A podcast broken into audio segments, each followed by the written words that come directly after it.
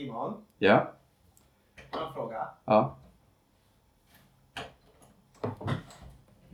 En sån här truism på något sätt. Eh, Ett påstående som kanske inte riktigt har sanningsuppbackning eh, i verkligheten. Mm.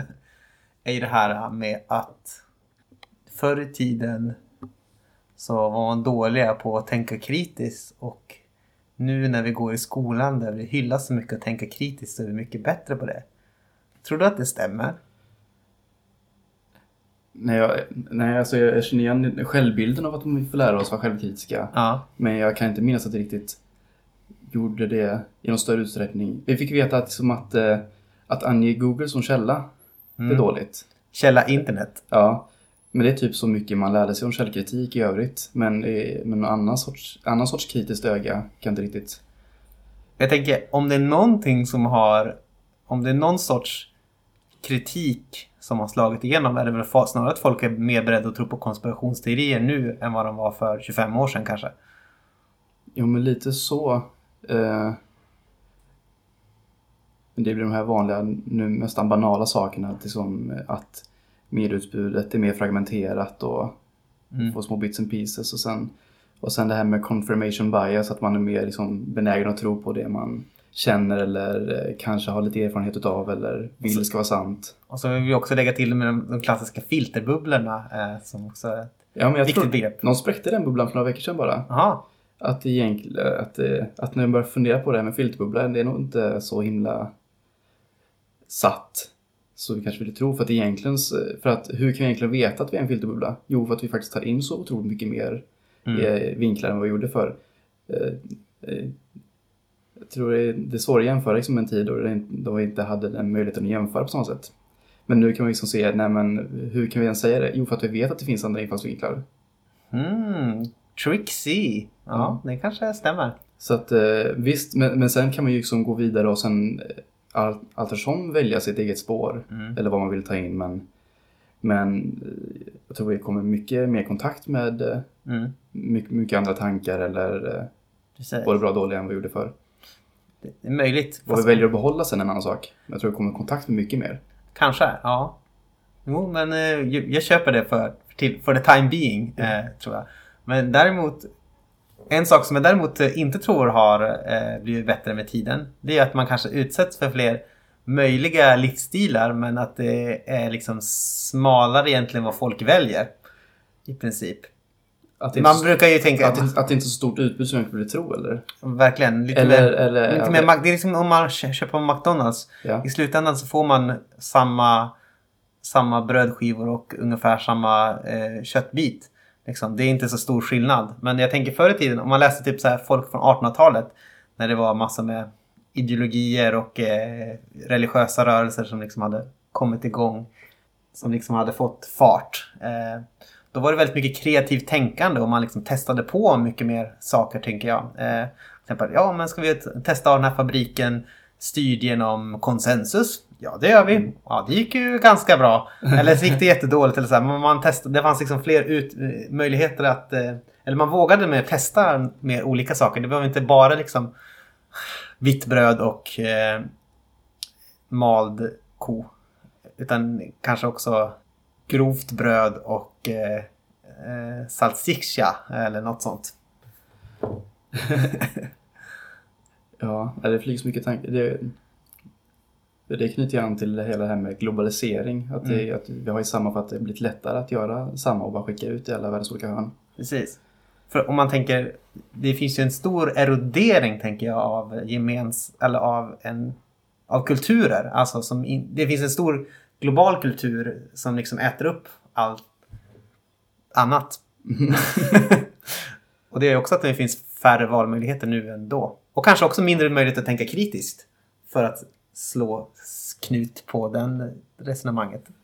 Ja, men det kanske var lättare liksom att ha lite olika här, särprägel Mm. på kultur och sånt där för att man inte kommer i kontakt med annat. Men nu, eftersom man kommer i kontakt med annat och sen så, eh, jag vet inte, jag antar att du som greppar lite åt så här västvärld, västvärldens kultur. Att den Mm. här, men det är för att den har visat sig vara liksom den, den, Bästa. mest- den, inte bästa men starkaste liksom, den mest liksom, prone to att liksom, härska. Mm. Och lättare liksom, att, liksom, att ta över, att införliva sig i andra kulturer. Och, och över tid liksom, rada ut spår av allt, allt gammalt. Ja. Men det, det är väl liksom, jag vet inte, darwinistiskt Ja. syn på kultur. Det får man väl ha. Kanske. Jo, ja men jag tror jag håller med. Eh, och det, jag tycker att det är lite synd för om man tänker eh, man, man, om, man, om sammanfattar det du sa just nu så Ja. skulle man kunna säga så här. Förut så kanske man eh, här, eh, ligger Dal, här ligger Dalarna till exempel. Här pratar man lite rolig dalmasiska och har på sig knä eh, tofsar och sånt där. För För här, att, är, här är det som finns. Ja, och liksom, det, är det, det är det man gör i Dalarna. Och eh, man, man håller på, man kanske liksom sköter jordbruket på ett sätt som är annat. Man har klungbyar mer än man har utspridda byar och sånt där. Eh, och eh, det är liksom en ganska speciell kultur. Och sen när den här utsätts för fler infallsvinklar. Eh, för att ja, men så här behöver man inte göra, man kan göra så här också. Så blir det inte så att det blir mer mångfald. Utan det blir att, att det blir den starkaste kulturen snarare som slår ut den mindre starka kulturen. Även, men det är just på grund av att det finns mer information som det blir så. Som det blir mer homogent. Är, det så, är, är mångkultur omöjligt då? För egentligen för att eh, Alltså i- elaka tungor vill, liksom, eh, vill ju mala ner liksom mångkultur till ja, men att det är, ja, men vi accepterar liksom lite spännande maträtter från, från Mm, andra delar av mm. världen. Men eh, om man jämför med autentiska maten Mm. så är våra versioner av det ofta så här eh, sockrade eller nedvattnade va- varianter av det. Mm. Så att, för att, eh, Kinamat till exempel. Ja, eller indisk mat eller vad du vill. Men det, och, och, eh, även där gör sig då den härskande västkulturen sig påmind. Mm. Att det är liksom, nej, vi har egentligen inte släppt in något annat. Vi har bara, gjort, vi har bara, vi har bara Tagit ta, ta, tagit och gjort om. Liksom, och sakta liksom, förvandlat det till vårt eget egentligen. Mm. Precis. Och det är väl väldigt mycket jakt på autenticitet. Men det blir allt svårare att hitta det autentiska, kanske man kan säga. Och den här månaden, vem har vi som gäst då? Den här månaden har, har vi nöjet att få samtala med eh, Josefin Arrhenius. mm, just det. Eh, Fram tills nyligen anställd på EFK. Ja. Och eh, hon... Nu, okej, eh, nu går Anton iväg eh, för att hämta vad jag tror är hennes senaste bok. Ja, titta, där är den. Berätta om eh, boken som vi ska prata om idag. Jag ska säga att eh, Josefina Arrhenius har under de senaste 12 åren arbetat med och föreläst inom ledarskap, gruppprocesser, konflikthantering, omorganisering, mentorskap och självbild. Idag arbetar hon som föreläsare och teamledare, bland annat på EFK, fast inte längre på EFK. eh, precis. Och eh, hon är en Örebro-kvinna, är hon. Alltså, vet jag förstår. Ja, precis. Kan Eh, vi försöka bena i. ganska, ganska local bread eh, i Immanuelskyrkan här i den här stan. Eh, och hon har skrivit en bok som heter När du leder som har en väldigt lång underrubrik som vi kommer kanske cit- recitera lite senare. Eh, som handlar egentligen om ledarskap med eh, tre olika huv- huvudrubriker. Vem är du? Vart ska du? Och hur leder du andra? Alltså, man, om man svarar på de här tre frågorna så kanske man blir en hyfsad ledare. Kan man tänka sig. Ja, så det ska vi prata om. Ledarskap. Ja. Och kanske främst kan vi prata om eh, ledarskap i, i kyrkan. Mm, jo, det blir nog en del så. Vi får se Ja, vi får se. Det om du är sugen på att prata om. det blir spännande i alla fall. Har vi eh, någonting mer vi behöver säga? Vi kan också notera att eh, ni inte vill ge pengar till vårt Patreon-konto. Men vi har inte varit så bra på att pusha den heller. Nej. Vi, får, vi måste reda ut det där, eh, vad vi ska göra med det. Ni behöver inte ge någonting. Bry er inte om oss. Vi är fortfarande här, Mm. vi lever. Ja. Simon, eh, Simon fått dra ner på eh, vita brödet lite grann för att ha inte råd längre. Men Ja, Det är nog bra, det är nog bra för alla. Ja. Får se, vad är det för, det här är ju, är det här augusti månadsavsnitt? Mm, det är augusti månad. Juli. Innebär det att det här är första avsnittet vi gör när du är gift? Nej, Mm, det stämmer. det gör det.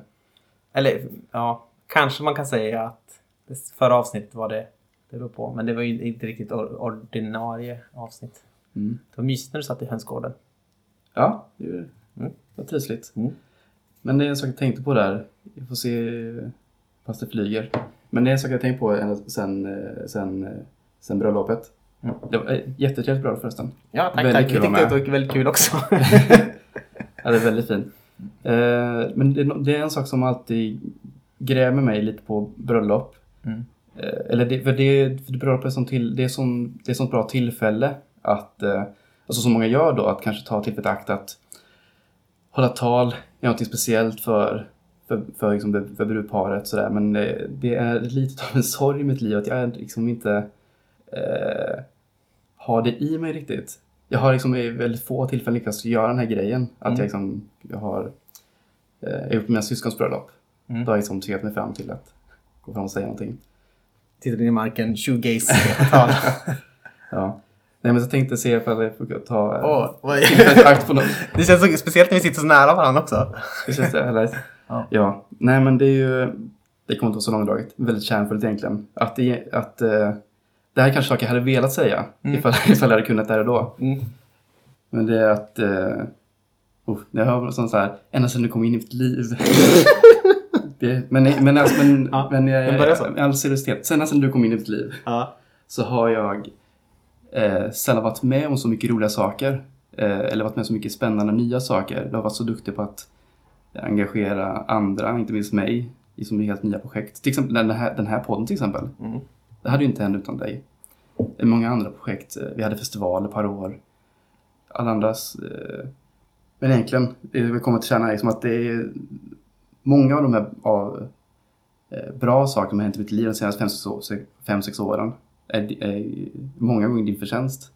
Alltså många gånger liksom dig att tacka för att eh, jag har sagt så mycket roligt som har hänt, så mycket spännande har hänt, så mycket nytt som har kommit in i mitt liv som, har, som du har visat mig för eller dragit med mig på, eh, fått mig upp, upp, upp för och, och förmåga liksom att eh, hitta saker, bara ge dig hän och få med dig andra i det. Och det, det är jag så otroligt tacksam för. Och att du har velat ta med mig på det också. Inte- Utöver det också, också en, en, en, eh, utöver att vara de mest engagerande och roligaste jag mött så är det bland de smartaste jag mött. Eh, alltså ett eh, otroligt härligt utbyte och bara träffas och prata med dig. Den här podden är ett utmärkt tillfälle för sånt. Mm. Men eh, kanske tycker jag, du kanske tycker jag låter lite överdrivet men jag, jag vet inte vem jag hade varit idag ifall jag inte hade träffat dig. Och jag kan nästan bara beklaga att Sofia hann före och äkta dig. ja, det var oturligt. Ja, men för all del. Det har nog varit kärnan i det jag vill säga till dig på bröllopsdagen. Det fick bli nu istället. Tack, det var jättefint. Det var eh, glad jag blir av att höra det här. Yes. Och medan, fort, medan eh, fortfarande någon av oss inte har darr på rösten så går vi vidare in på avsnittet här. Du, du, du,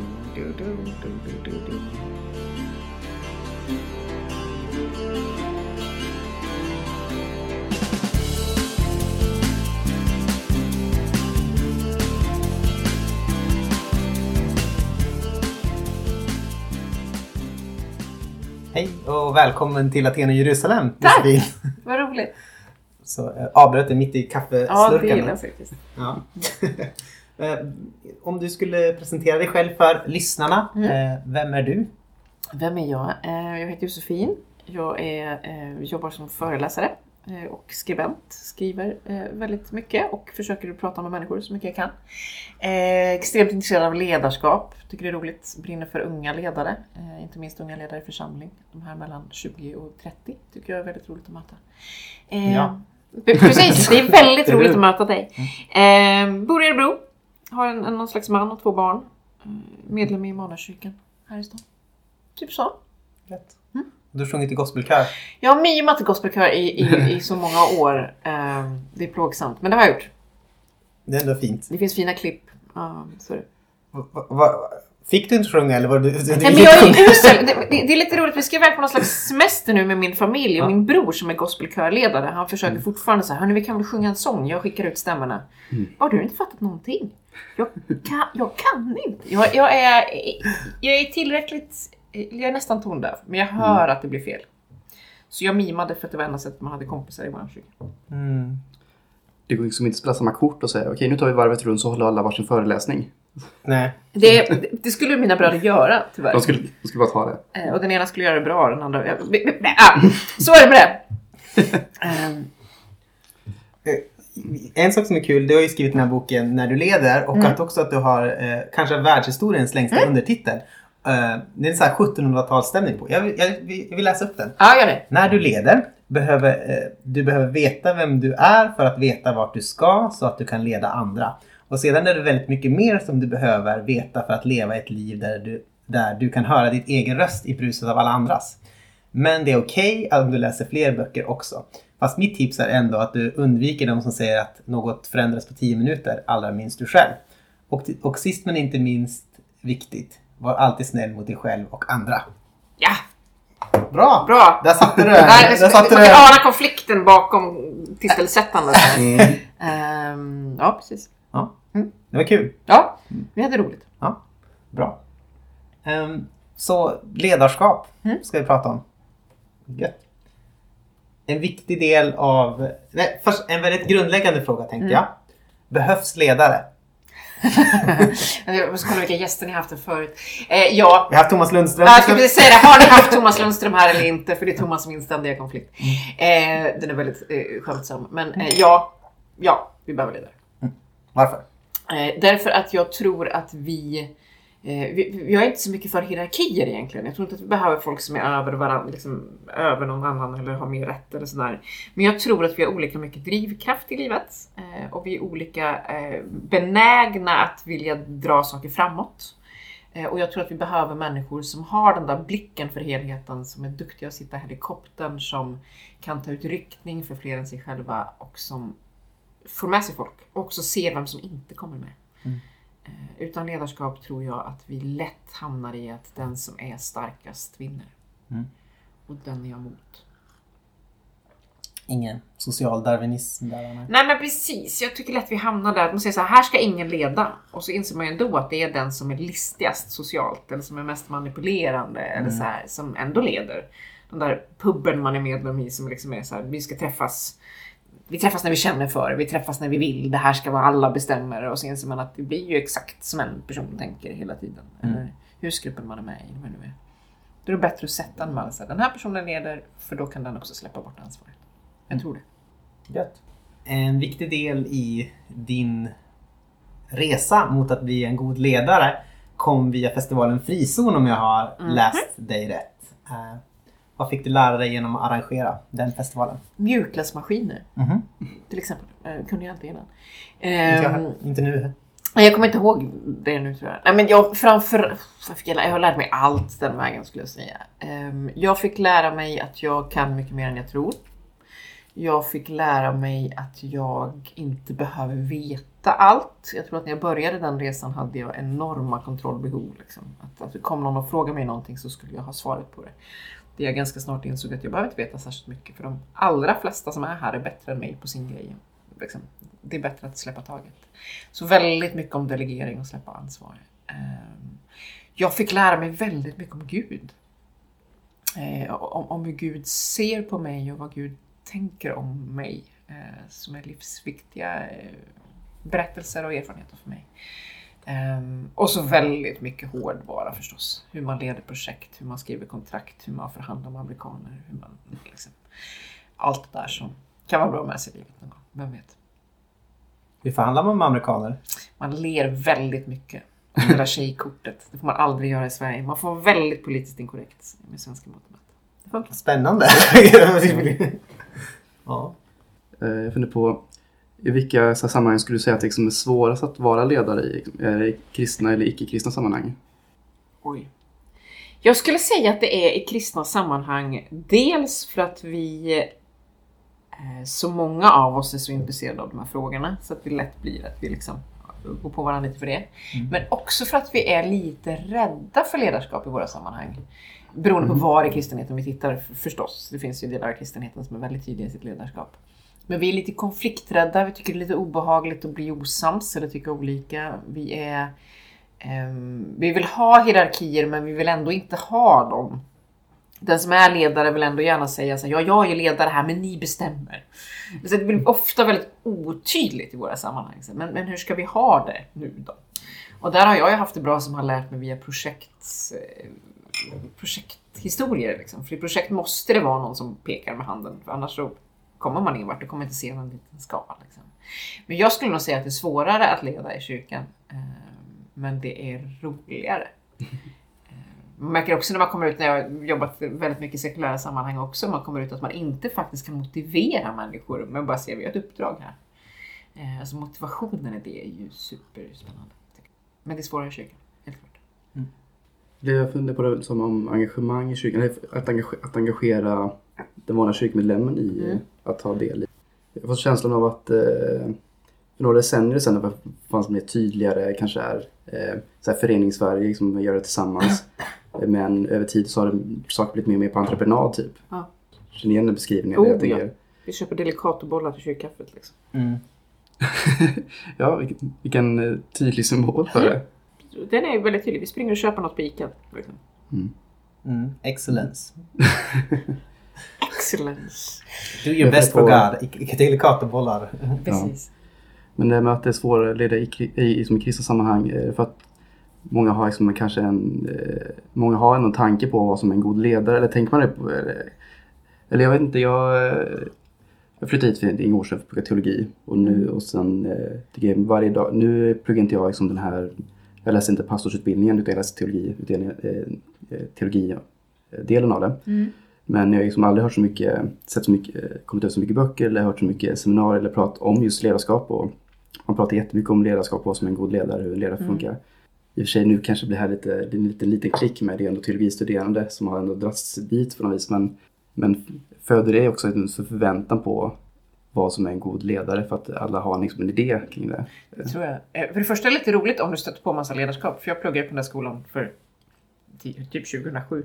Eh, och, och då var det ju ingen ledarskap överhuvudtaget. Så pass? Så jag, jag var ju oxtokig på det där och Mhm. hoppade av delvis för att jag sa att jag kan, jag kan inte bli pastor i en församling om ni inte ger mig någonting att leda utifrån. Okej. Eh, men, men, så det, men det tror jag förändras lite. Så det kanske är mitt fel om du tycker att det är för mycket. Ja, inte för mycket. Eh, Och jag har inte stött på det så mycket heller för jag läste ju inte de delarna. Jag Nej. bara märkte på runt omkring mig vad de andra läste och lite sådana saker. Men du vet väl säkert det som läste EFL? Ja, det finns ju Församlingsledarakademin till exempel och ALT, Akademi för ledarskap och teologi Precis. och sådär. Så det blir väl ledarskap har ju kommit Ja. in på något sätt väldigt. Och jag tycker att det är väldigt skönt. Sen tror jag att det som också gör med det, alltså om du är eh, då ledare i en församling, dels har du väldigt många som har läst, läst ledarskap. Eh, så på så vis så, så känner de till allt och kan allt liksom. Eh, och då ska man leda i det. Dels har du i en församling, om du är pastor till exempel, jättemycket entreprenörer och företagsledare ofta i församlingen. För vi är rätt skickliga. Mycket frikyrkofolk har en god karriär. Liksom. Vilket gör att du leder människor som är supervana att leda på sitt jobb. Men som av någon anledning bara slänger av sig den kappan när de kommer in i församlingen. Så de kan fortfarande, de ser fortfarande mönstren men de är lite såhär, men det här är min fritid så nu ska jag inte...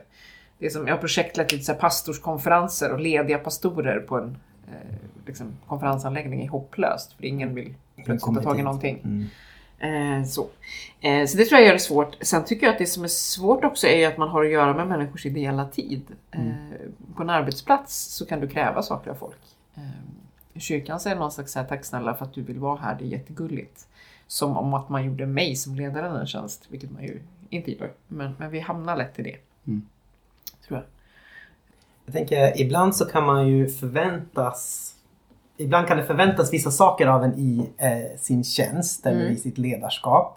Eh, som går emot eh, ryggradsreflexen, vad man tycker liksom är rätt eller fel och så.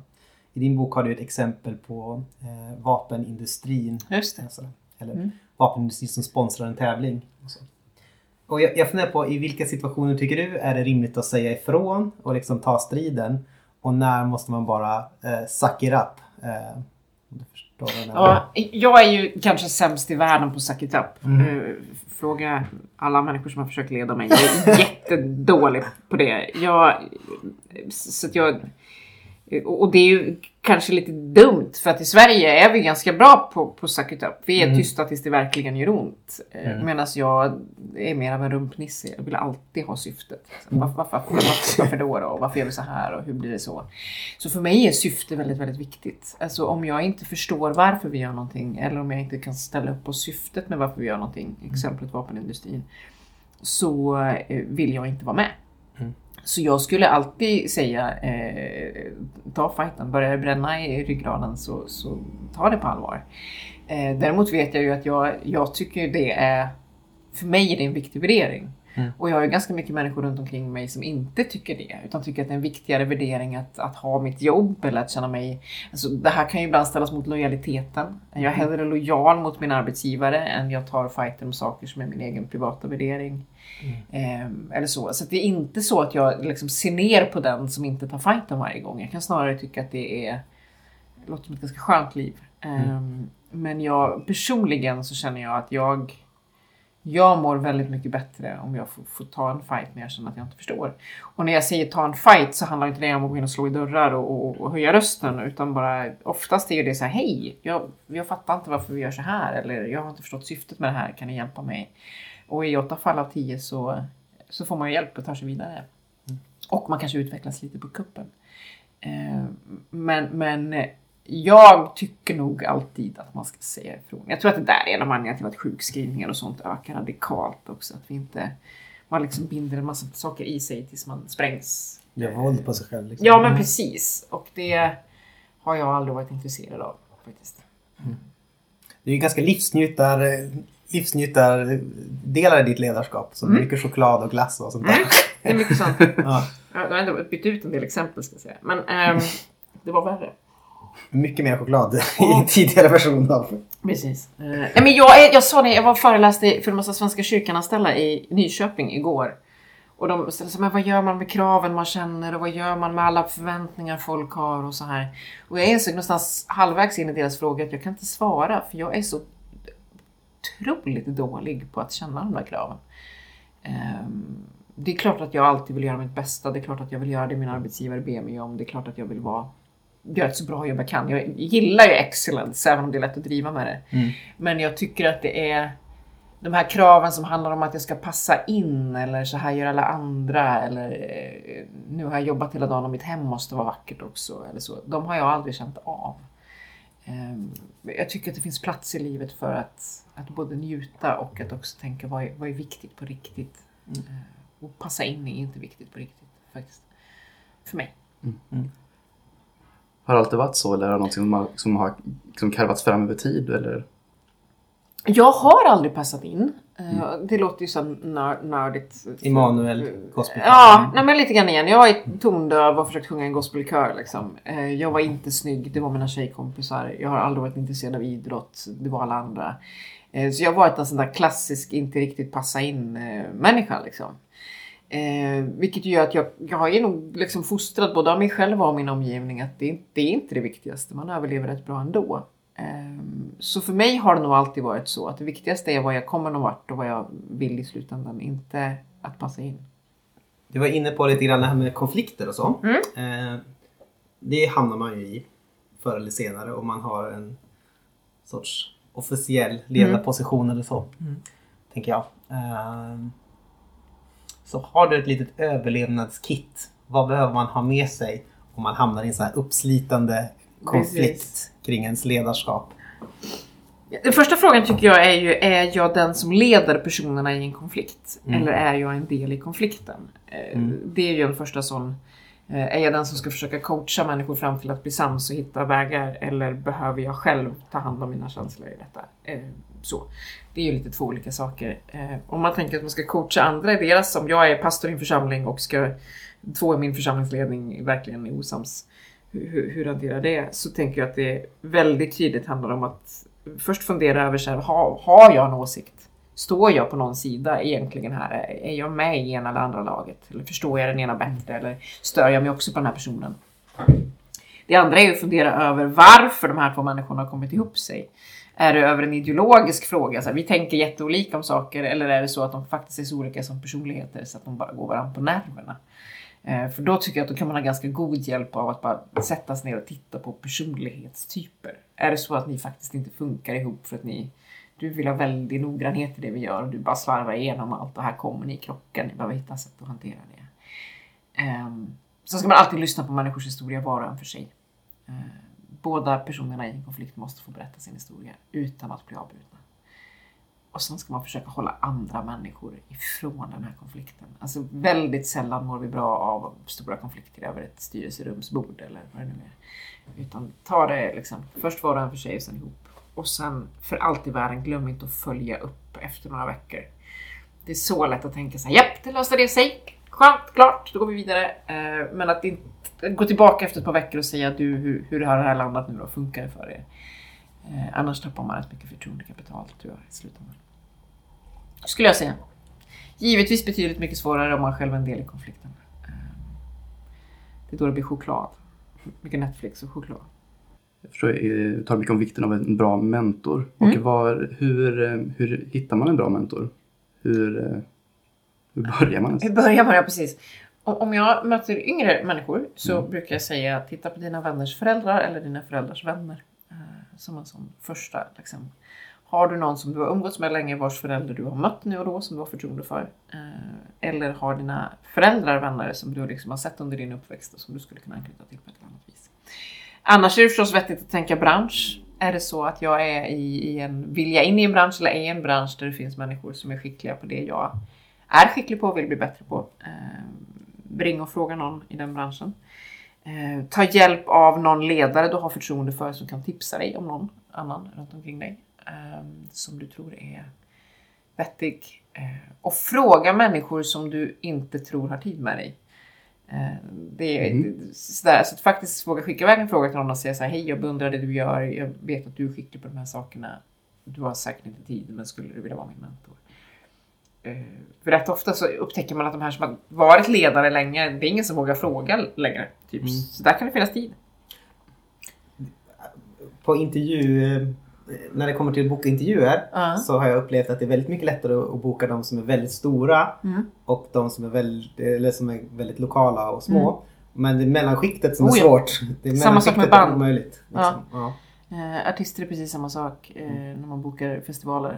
De nya banden som vill ha en möjlighet, jättelätt. Stora band, seriös organisation, enkelt att ta samtalen, prestigelöst. Mm. Mellanskiktet, drägg. Och det är väl också Det är ditt eh, erfarenhet av incheckning? Det är kul, jag, jag, Mm. jag, det är exakt min erfarenhet av att liksom kanske ha att göra med Mm. artister. Eh, och det är inte bara, eh, vi, vi var inne på förut, jag jobbar på frizon men också när, jag gjort, när jag och Anton bokat spelningar eller gjort festival, eller drivit festival och sådana saker. Att det, det är alltid mellanskikt som är lite jobbigast att ha att göra Mm. med. De nya är alltid, så- de är alltid så här, ah, kul att vara ute. Mm. Eh, Och gör chips typ? Eller? Ja, precis. Lyckan över det. Ja. Ja. Riktigt nice, bara får jag ta många äpplen jag vill. Ja. Och sen eh, de större, de har varit med, de vet vad som gäller, de vet att alla vill att det ska gå så bra som möjligt och Ja. eh, vet eh, sådär mellanskiktet som har börjat liksom få känn på vad det är att få lite mer och mer och kräver mer och mer. ja, just det. Och kan vara, så här, kan vara, kan vara så här, orimliga. Eller så här, Försöker inte- uppgradera alla hotellrum och vi hämtar andra bilar. Ja, nej men visst. Och det där, ja, det tror jag är rätt generellt så faktiskt. I, ja, oavsett vad du jobbar med. När du jobbar med någonting där du själv bokas upp som person. Mm. eh, Så tror jag att det är så rätt ofta. Så överlag, om man vill skaffa en bra mentor, strunta i mellanskiktet. Strunta i mellanskiktet, Inga mellanchefer. Gå högt, och lågt. Högt, högt eller lågt, ja precis. Mm. Eh, det tror jag på. Varför, varför är det viktigt att ha en mentor? Eller är det viktigt då? Jag antar att det är viktigt. Ja, men jag, ja, precis. Rätt svar, ja. Eh, jag tycker att det är viktigt, absolut, eh, främsta eh, liksom, anledningen alla kategorier är att vi inte hör oss själva tänka. Mm. Eh, du är fruktansvärt smart, men du hör det inte alltid. Eh, och och eh, en god mentor kan spegla tillbaka till dig vad du säger så att du lär dig själv att tänka högt och höra dig själv, liksom, dina egna konversationer. I samtalet med någon som redan kan det du håller på med eller som är duktig på samtalsteknik så kan du helt enkelt hamna i situationer där du löser dina egna dilemman på mycket bättre sätt än vad du gjort själv. Eh, sen, sen för mig har mentorskap varit en väldigt viktig del i att få kon- kontakter och nätverk förstås. Eh, Mina mentorer har gett mig både uppdrag och jobb och kontakter som är goda framåt. Eh, och sen så tycker jag att det är skönt att ha en legitim klagomur. Alltså när man tycker att jobb är lite så här, man hamnat i en situation som pastor eller ledare eller vad det nu är, där bara alla i min församling är dumma i huvudet. Eh, det kan du inte gå runt och säga till folk. Liksom. Det det händer. Alla. Precis. Eh, och dessutom så är det ju inte sant. Eh, men att då ha en person som man kan gå till. Jag, jag har gått ibland till eh, min, min dåvarande mentor för några år sedan och bara "Ha, den här personen är helt dum i huvudet. Helt, helt pantad. Liksom. Och så ser jag hon ler lite grann och så pratar vi en stund och så, så säger jag ah, okej då, jag bara fattar inte vad han menar. Liksom. Och så landar man igen. Men det är en legitim plats att, att få liksom ösa ur sig det där som man inte lämpligtvis bör ösa ur sig var som helst. För det blir inte så bra. Nej, det kan vara skönt att ha någon som är beredd på det och ta, ta det för vad det är också. Exakt. För annars kanske bara blir ett, bara en rundgång också. Precis. Någon kommer bara förstärka ja, Ja. verkligen. Vad duktigt pantad den är. Ja, ja visst. Och, och det Mm. här med att ens kompisar på något vis. Eh, jag brukar ta exemplet om man är olyckligt tonårsförälskad eller sådär. Eh, om en, en kille eller tjej är dum mot en så säger ens kompisar men gumman du är värd mycket bättre. Liksom. Eh, så, det är bara han som är dum i huvudet liksom. Medan en, en, god mentor i det läget kan säga ja, vad gjorde du då? Passar ni ihop egentligen? Liksom. Alltså det finns någon slags så här, ställa sig ett steg bort. Ens vänner eller ens partners plikt är ju någonstans att vara på min sida. Eh, Min mentor behöver aldrig vara på min sida. Eh, Det är ju han eller hon för att hon eller han vill att jag ska utvecklas. Men behöver inte ta mitt parti. Det det tjänar jag sällan på. Det gör inte min man heller i och för sig. slår det mig nu. Han, är, han har misslyckats med sin främsta plikt. Ja, precis. Men han är en god mentor. Ja. Gifte sig med din mentor. Nej, oh nej. Oh nej. Det var inte bra. Dåliga bilder i huvudet. Mm. Ja. Ehm, vad är det för skillnad? Eller vad gör den kristna tron för skillnad när det kommer till ledarskap? Om något. Jag brukar, eh, brukar fundera på, på det här med självbild och självförtroende och vem jag är. Mm. Och det har ju inte generellt med ledarskap att göra bara. Men för mig så är det folk frågar mig varför jag är kristen. eh, Så, så brukar jag rita en pyramid av självförtroende och eh, självkänsla. eh, Och säga att min, min självkänsla är Jesus Kristus. Jag är älskad för att jag är född. Punkt. Alltså vad jag än tar mig för, vad jag än gör, hur jag än misslyckas, så är jag älskad för att jag är född. Och den insikten som kristen tror jag gör oss till modigare ledare. Eh, det är min förhoppning. För mig är den sån, jag, jag behöver inte jag behöver inte bli hög på mig själv om det går bra, eh, därför att det inte är min förtjänst. Och jag behöver inte klanka ner på mig själv om det går åt skogen, för det finns någonstans att falla tillbaka. Eh, oerhört skyddsnät och en oerhörd eh, lugnande plats för mig i tron, i mitt ledarskap och, och i mycket annat också. Eh, sen tycker jag att, att det kristna ledarskapet på något vis, jag är som sagt var en syftesnörd. Eh, och att någonstans hela tiden veta så att jag, jag vet varför jag gör saker. Eh, jag har en, en förhoppning om, om att, att Jesus ska angå människor i den här världen. Och i, i mitt kristna ledarskap så är det syftet så oerhört tydligt hela tiden. Där jag ibland när jag har stått i sekulära ledarskapssituationer kan känna såhär, ja nu ska vi peppa oss och göra bättre rör här. Jag var inne på någon sån här eh, industrigrej för några tid sedan här och bara kände så att jag varför ska ni göra det egentligen? Det är ju jätteoklart. Och någonstans landar man i pengafrågan och utvecklingsfrågan. Och det är, det är klart att jag tycker att folk ska göra rör. Mm. Verkligen inte. Men jag märker hur oerhört styrd jag själv är av, av syften. För mig är det den stora grejen. Tryggheten att falla tillbaka på. Att kunna driva hur långt jag vill för det är något jag som ska ha äran. Eh, och, och syftet. Det, det kan vara så otydligt för en själv också vad som är kanske viktigt. Som de som är här rören då. Mm. Jag antar att det blir väldigt abstrakt då, inte vad det är till för. Men Mm. egentligen är det högst konkret på varför man ska ha bättre rör. Man behöver sätta dem i ett sammanhang. Ja. Ja, ja, ja. Och jag, ett av de första liksom sådär, lite större konsultjobb jag gjorde var eh, för, för Ericssons eh, mellanchefer i deras Kumlafabrik.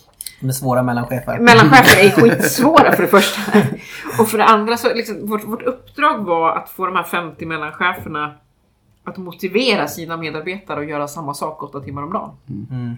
Och där någonstans tänkte jag så klarar jag det här då klarar jag vad som helst. Eh, inget syfte, alltså på något vis syftet för dem var att det här är mitt jobb, jag går hit för att tjäna pengar och ha mitt levebröd. God kollegial gemenskap.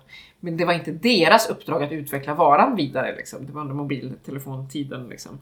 Deras uppdrag var bara att lägga den här lilla biten på plats där den skulle ligga på den här kretskortet eller vad det nu var. Eh, och där någonstans att titta på, så här, det var en otroligt konkret uppgift de hade, de flesta av dem. Men hur motiverar man som ledare 15 pers att göra det här väldigt konkreta momentet 8 timmar varje dag? Ehm, det var ett extremt spännande uppdrag. Eh, Mm. Väldigt roligt att möta den. Och framförallt om man kommer från kyrksvängen där man alltid kan ställa sig och hålla ett brandtal. Liksom. Mm. Hörni unga människor för Kristus exempel. Eh, Kretskorten! Kom igen! Ehm, så. Men ja. Det är intressant, tänkte jag på, det med industrier och så. Eh, Jag läste en bok eh, för ett tag sedan om, eh, av Alistair McIntyre. Mm. Och då beskriver han den japanska fabriksmodellen. De har liksom ett litet team som typ arbetar från eh, liksom idé till eh, slut eh, och sådär. Mm. Så att det är liksom det är några stycken som hänger med eh, hela vägen och så. Och då tycker jag att eh, då blir det inte liksom lika själstödande och alienerande att göra arbetet. Utan det blir mer, Ja, just det. det Precis. blir mer så. Det kan du ju tipsa dina mellanchefer om. Att, eh, låt, Precis! låt eh, fabriksarbetarna ta ett steg upp. Ja, och det där är faktiskt på riktigt Ja. så när man jobbar typ med frizon som jag har gjort i många år. Eh, så är det ju roligt de här dagarna man har där man sitter och laminerar eh, presskort eller man, man klipper biljetter eller vad man nu gör som är väldigt monotont. Är ju oerhört roliga. Eh, för att man har sett hela processen. Mm, Eh, man har suttit i helikoptern och vet att så här, Precis, man äger arbetet. Ja, jag sätt. äger hela den här processen och jag sitter där ofta kommer in lite extra så här, praktikanter som hjälper till eller folk som är frivilliga. Och plötsligt är det jätteroligt att klippa de här biljetterna för bara, nu är vi nära, nu är det verkligt, nu kan jag ta på det här. Liksom. Eh, och jag tänker hur kan man mer göra det också i en företagsvärld? Det vore ju jättespännande. Eh, tänker jag. Mm. Håller med. Mm. Ford-modellen versus en annan modell. Versus 2.8-modellen faktiskt. Om vi 2.8. fortsätta Ja. prata bilar. Japsarna är bättre på det där. Japsarna kan. Jag funderar på en sak. Vi får se, det har inte vi pratat om innan så här, men jag börjar fundera på det nu. Nej. det är nog inget läskigt. Jag bara funderar på, för grejen, det här med ledarskap, det är i brist på bättre ord på det, det är lite exotiskt för mig på något vis. Oh, intressant. Mm. Nej, men för att det är, eh, om vi, okej, om nu- om vi rör oss här inom kyrkans väggar här, för att jag är, eh, jag kommer från sammanhang där jag, eh, där det i sina värsta stunder är lite så här att man har lagt allt på entreprenad, liksom saker och ting ligger bara på, eh, bara på en eller väldigt få som får liksom styra hela skutan kanske liksom i perioder och sånt där.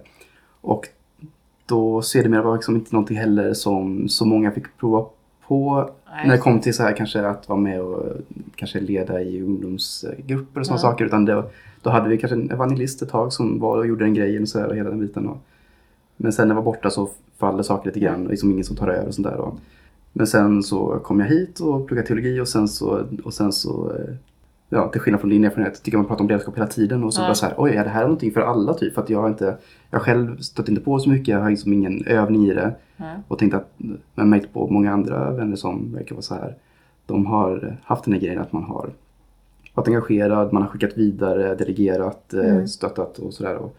eh, Så att man har, fått, man har fått med sig det, fått Mm. lära sig det. Men ja, Nej, så jag kom till skolan med den tanken, nej jag ska bara läsa teologi, jag ska inte bli någon ledare. Det Mm. var aldrig tanken. Eh, Sen är det bara så här, eh, lek med tanken Mm. i studierna. Ifall, är det här någonting för... Håll dig Ja. långt borta från Thomas Lundström då. Ja, jag vet, jag vet inte, men... eh, Jag vet inte. Men här lite röda bakgrunden. Min korta fråga är, liksom, är, är det tänkt att ska alla bli ledare? Nej, verkligen inte. Eh, eh, för det första så, så är det en intressant bild du beskriver. Jag, jag har, har en lite ny föreläsningsidé som jag vill köra i kyrkan här, som jag börjat lite försiktigt. Eh, med titeln Död åt hängkulturen. Du har låt vad? Hängkulturen. Jag, jag börjar höra Tengil. Ja precis, Nej, nu, nu ska vi se. Jag, jag har i och för sig också just läst Bröderna Lejonhjärta. Men eh, alltså det här med att vi eh, Vissa sammanhang, församlingssammanhang och så, har gjort precis det du beskriver. Man har växt in i ledarskap och man har fått eh, förtroenden och man har varit uppbackad. Och, man har liksom, Ja. och det är 80 och 90-talets sätt att göra församling. Yes. Jag ska inte vara helt orättvis mot min hemförsamling också. Jag har inte heller varit sugen på ansvar. Jag gillar inte ansvar. Men... Eh, Eh, så. Medan den, den, stora trenden under 00-talet i församlings-Sverige har ju varit vi ska inte ha verksamhet.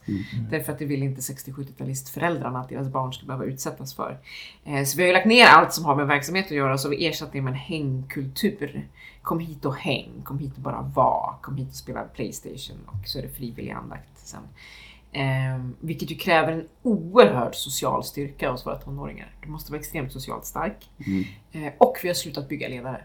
Eh, därför att när du sen blir 15-16 och undrar sig, vad ska jag göra? Så blir du hjälpledare. Så säger så här, vad gör ledare? Ledaren är den som sätter på Playstation. Eller liksom, det, det är så. så vi har tappat en, en väldig kultur av att bygga ledare i kyrkan, tycker jag. Eh, det andra är, nej, alla ska verkligen inte vara ledare. Däremot så behöver vi bredda bilden av vad en ledare Om vi tittar på frizon till exempel, så eh, jag har frågat henne om jag får ta det här exemplet. Så har vi en tjej i, i ledningsgruppen som vid första anblicken inte är Liksom, det är inte så här, men där går en ledare, hon är, tar ju tag i allting. Liksom. Men som när hon får rätt saker i händerna, eh, inte stå på scenen och berätta vad som ska hända nu, utan ta de här listorna, fyll de här passen, få det här att hända, så är hon briljant. Hon är en av de liksom skickligaste ledarna som jag har haft förmånen att följa de sista två åren. Eh, på att bara liksom få människor att blomma ut, de vill göra rätt grejer, de frågar rätt frågor och så här. Men ger man henne en mikrofon får hon panik och springer iväg. Eh, vi vi eh, är duktiga på att boxa in vad en ledare ska vara och en ledare ska vara lite som jag. Eh, se, hade du hunnit börja berätta om... Ja, det hade du. Och vad hade jag berättat om? Jag kommer inte ihåg. Det du gjorde. Ja, just det. Men det var inte så viktigt. Jo då. Men i, ja, jag, jag tycker inte att det var så viktigt. Okej, vad, vad, vad gör vi? Vad gör vi? Men kan vi inte säga... Men, men ledare kan vara, kan vara... Du sa ju typ, men ledare kan vara, är den som kan få med sig människor. Ja men precis, jag tänker Ja. så här, det är lätt att tänka att ledare är man när man tycker om att stå på estraden. Eller när man tycker om att, att synas. Eller när Mm. man liksom håller brandtalen. Men, men ledare är ju den som får andra människor att vilja haka på. Mm. Eh, och några av de skickligaste ledare jag vet är väldigt lågmälda, trygga, liksom, sitter i bakgrunden och bara får saker att hända och gör det enormt bra. Det är verkligen ledare jag ser upp till. Så vi kanske behöver göra upp med bilden av vad en ledare är. Men alla är inte ledare, det tror jag definitivt inte. Och det, den tabben tror jag också vi gör i våra församlingssammanhang ibland, att vi tänker att vem som helst som vill bli ledare får det. Dels för att vi har ledarbrist, så vi har lite panik och lite desperata, och dels för att vi är snälla. Eh, och ibland så vill jag fråga mig när jag är ute och reser i församlingar så här, okej, men om den här snubben får vara ledare här, som ingen av ungdomarna tycker om och som ni inte tycker gör ett bra jobb, men han ska vara kvar för att ni vill vara snälla mot honom. Är ni då egentligen snälla? För ni bränner ju 15 tonåringar som inte vill vara här. Är det snällt? Liksom? Så ibland har vi lite missriktad snällhet i det vi sysslar med också, tänker jag.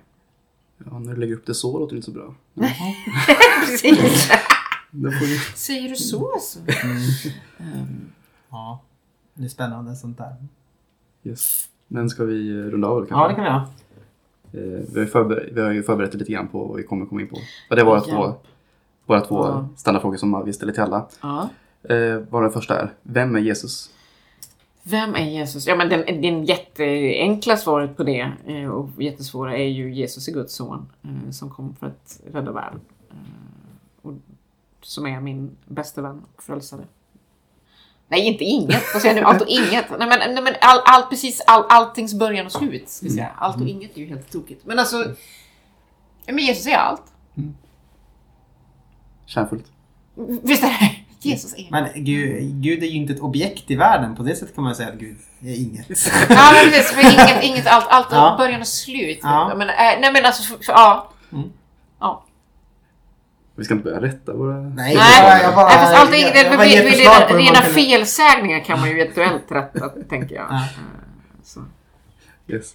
Och vår... Eh, en, nästa fråga. Vem, vem tycker du att vi bör prata med framöver i Aten Men det beror på vad ni vill prata om. Vad vill ni prata om? Vi vill prata med kul folk. Om kul saker. Um, med kul folk om kul saker. Ehm, Det var jag Tänk, gillade. tänk Josefina Renius typ. ja, det är spännande. En av mina favoriter faktiskt att, samtala med om saker är Peter Örn. Mhm. Eh, som förut, ja, han, han har, precis, det är en väldig förmån att han har skrivit en baksidan av min bok. Men han var eh, boss för Röda Korset under perioden för Sveriges Radio. Eh, och är sådär, han kan inte riktigt bestämma sig för om han är troende eller inte. Det tycker jag är coolt. Eh, väldigt, väldigt spännande att prata med honom. Inte minst om vi skulle fortsätta på ledarskapsspåret. Eh, andra spännande, men alltså en människa som jag alltid tycker att alla människor ska prata med gissar jag att ni känner och det är Re- Rebecca Werner. eh, Mhm, ja. som är eh, teolog och projektledare för Frizon och jobbar med Evangeliska Frikyrkans ungdomsledarskapsdelar just nu. Och som bara är briljant. Fruktansvärt skicklig på allt hon gör. Så henne tycker jag alltid man ska prata med. Eh, sen tycker jag att ni ska haffa Malin Aronsson. Eh, som just släpper en bok i dagarna om eh, att växa upp i Svensk frikyrka. Ja, hennes namn låter väldigt bekant. Eh, hon jobbar på Dagen. Eh, Ja, just det. Initiativtagare till Linas matkasse. En rolig eh, grej runt henne. Oj, okej. Tokentreprenör, fruktansvärt rolig. Och släpper en bok som jag tror blir väldigt spännande. Så henne ska ni haffa också. Men ni har så svåra teologer får ni fråga någon annan. Jag kan inte dem. Jag tycker de är krångliga bara. Ah, Vi har några sådana också. Det Jag är, gissar att ni kan dem. Det är bra. det är ute. Jag ser att Anton har klämt in en till fråga. Oj, ta den. Vem bör vi inte intervjua? Du söker konflikt här. Jag, precis, nu har ni redan intervjuat mig så nu får ni skylla er själva. Mm. Var inte? Men den är ju rolig den frågan. Den Nej, nej, jag var, jag var rädd att det bara var taskigt. Nej, men den kan vara kul. Jag bara skrev dit den bara för, för Eh, att. men då måste man ju tänka lite. Nej, men det går. Nej, det, men ingen människa är ju inte intressant. Nej. Det går ju faktiskt inte. Det skulle vara Thomas Lundström då som tycker illa om, om mitt sätt att se på ledarskap. Ja. Men det har ni ju redan pajat. Ja, det är förstört. Jag älskar dig Thomas. Ehm, nej, det, Det finns, finns- ingen Den intressant. enda Det fin- människan det i finns- världen som är ointressant, eh, eh, Thomas Lundström. Ja, har ni redan tagit? Ja. Men det finns ju ett diplomatiskt loophole i den frågan. Det är som säga, ja men de ni redan har pratat med. Ja, just det. Precis, de behöver man inte prata med. Nej, Så kan det vara. Ehm, de är avklarade. Precis. Förbrukade. Restprodukter. Yes, ja men... eh, yes, vi ska inte hålla kvar längre. Tack så jättemycket för att du kom hit. Tack! Det var jätteroligt. Ja, vad roligt att få vara här. Tack snälla. En applåd. Yeah.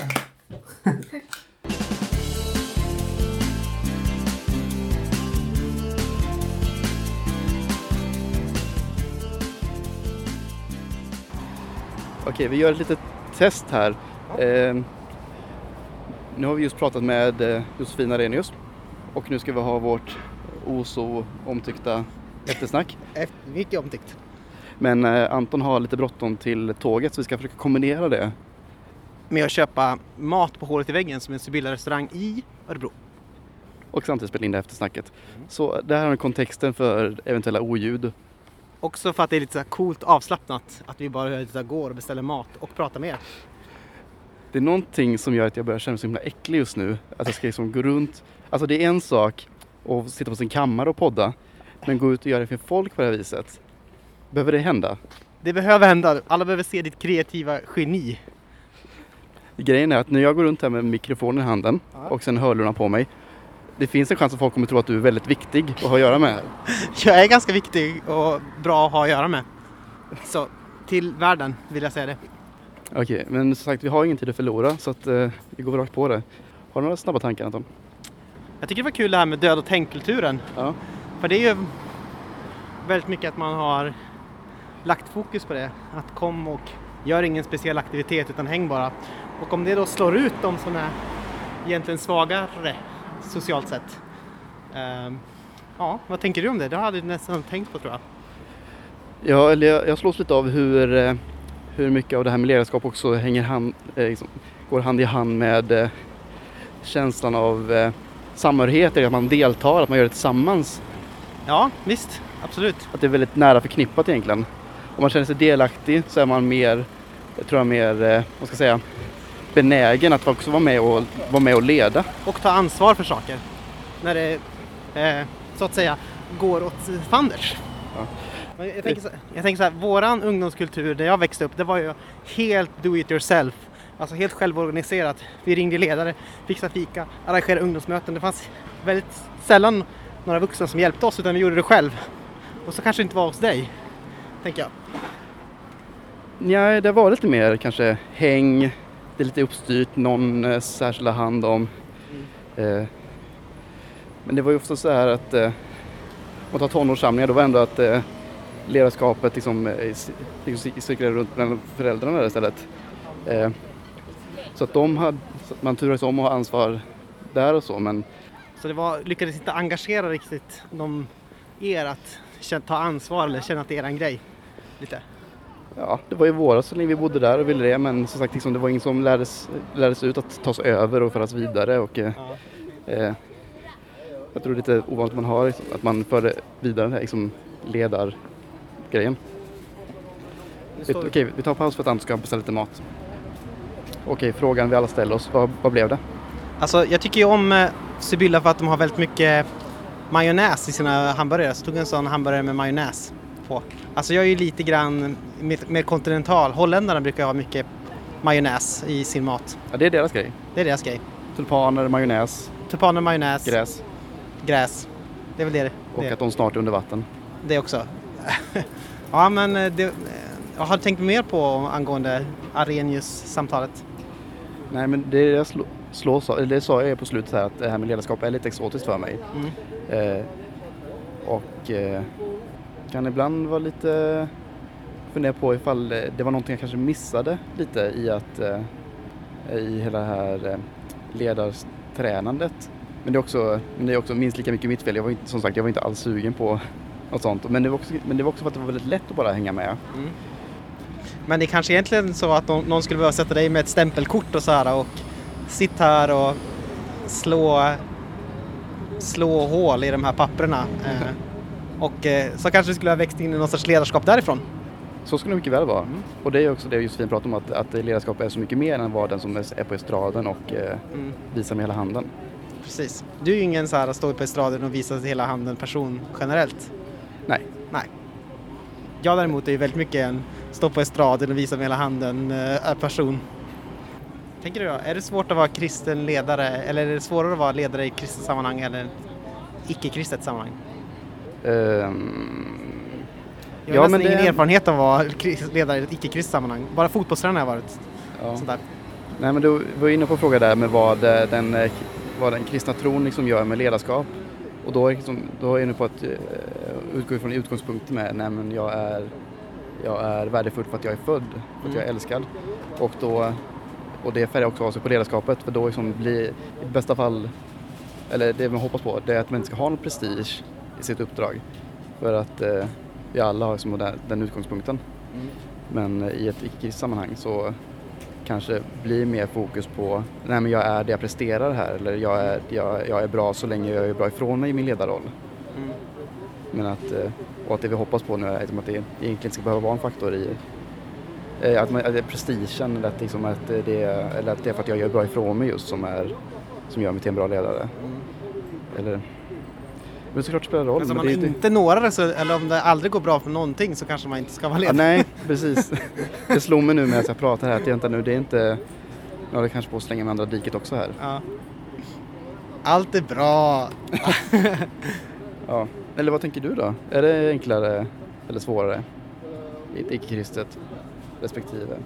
Det kan ju vara svårare på det sättet att, alla, att kanske folk vill mycket mer och har mycket mer åsikter. För om jag skulle till exempel vara... Det kan vara lättare att engagera folk för att de tänker att det har någonting att göra med Gud Ja. när det är i en kyrka och att det är bra. Ja, tack. Okej, nu ska Anton hämta sin mat här bara. Okej Anton, i egenskap av kristen ledare, du jobbar som pastor i en kyrka. Eh, vad slår han hos dig? Ja, Vad, väck- vad väcker det för tankar? jag tänker att det är lättare att engagera folk i kyrkan för att de tänker att det har att göra med Gud. Mm. Men samtidigt är det svårare för att alla har en mycket tydligare åsikt och det betyder mycket mer för dem. Än om det bara är så här, du ska montera det här kretskortet. Så kan man säga, okej det kan jag väl göra. Ge mig pengar, så gör man det. Men nu så här, men jag har tänkt på det här med kretskortets natur. Jag tycker att vi borde göra det i bambu istället. Så, här, så skulle om man gör en metafor för hur det kan vara i kristna sammanhang istället. Det ligger nog någonting i det, att det kan vara lite svårare på det sättet. Men det är väldigt roligt att hålla på med någonting som både jag tycker spelar roll och som andra tycker spelar roll. Så. Det är ju en välsignelse för att använda kristet språk. Apropå det vi nämnde här eh, i försnacket, när jag pratade om din förmåga om att få, få med folk Mm. och eh, då särskilt mitt fall att få med mig på att göra saker jag aldrig trodde du skulle göra. Mm. Då är det här en av dem, att jag skulle sitta här med mikrofon ute på stan, hörlurar på, känner mig så himla uttittad och äcklig just nu. Du känner dig äcklig bara, är det för att du känner dig att eh, du stämmer in någon sorts eh, stereotyp av ung eh, 20-30 something som håller på och eh, spelar in en podd? Dels det, men det sticker ut överhuvudtaget så här att de går ut med mick. Man märker liksom att oj, det här verkar vara något som händer här nu. varför pratar han med den? Du kan väl låtsas att jag är någon sorts artist eller någonting, en viktig person? Du ger inte riktigt den viben. Nej, jag har lite flottigt hår och... Ja, nej. Ja, jeansjackan är på, det får jag ge dig. Nej men, jag skulle vilja uppmuntra... Jag tycker det kanske kan vara lite uppmuntrande det som eh, Josefin säger att man kan vara ledare på många olika sätt. Det behöver inte vara den som är högst uppe på estraden som nödvändigtvis är den bästa ledaren. Så, utan det kan vara lite bakgrundsarbetarna som är verkligen de som kan entusiasmera och få saker att hända. Och det vill jag uppmuntra alla ni som lyssnar här och som tänker att eh, jag har ingen viktig roll att fylla, att det kanske det visst har. Så det är så. Gott, gott så. Ska vi kanske avsluta på den? Ja, positiva noten. Den positiva noten. Så får det bli. Eh, Vill du bara lyssna när jag tar fram min hamburgare? ja, det är hö- högst autentiskt det här. Ja. hamburgerpappersprasslet. Nu tar jag ett bett i en majonnäsdrypande hamburgare. Okej, medan eh, Anton tar och börjar äta på sin mat här så tackar vi för den här månaden. Kul att ni fortfarande är med oss. Glöm inte bort att följa oss på Facebook, gilla oss, eller gilla oss på Facebook, följ oss på Twitter. Skriv gärna till oss på atenochjerusalem.gmail.com Och så snart vi har styrt upp det bättre, kolla gärna in vår Patreon-sida och, och se på vilket sätt du kan vara med och stötta den här podden och dess framtid. Tills dess så, ja, tack för oss. Frid! Och eh, fred.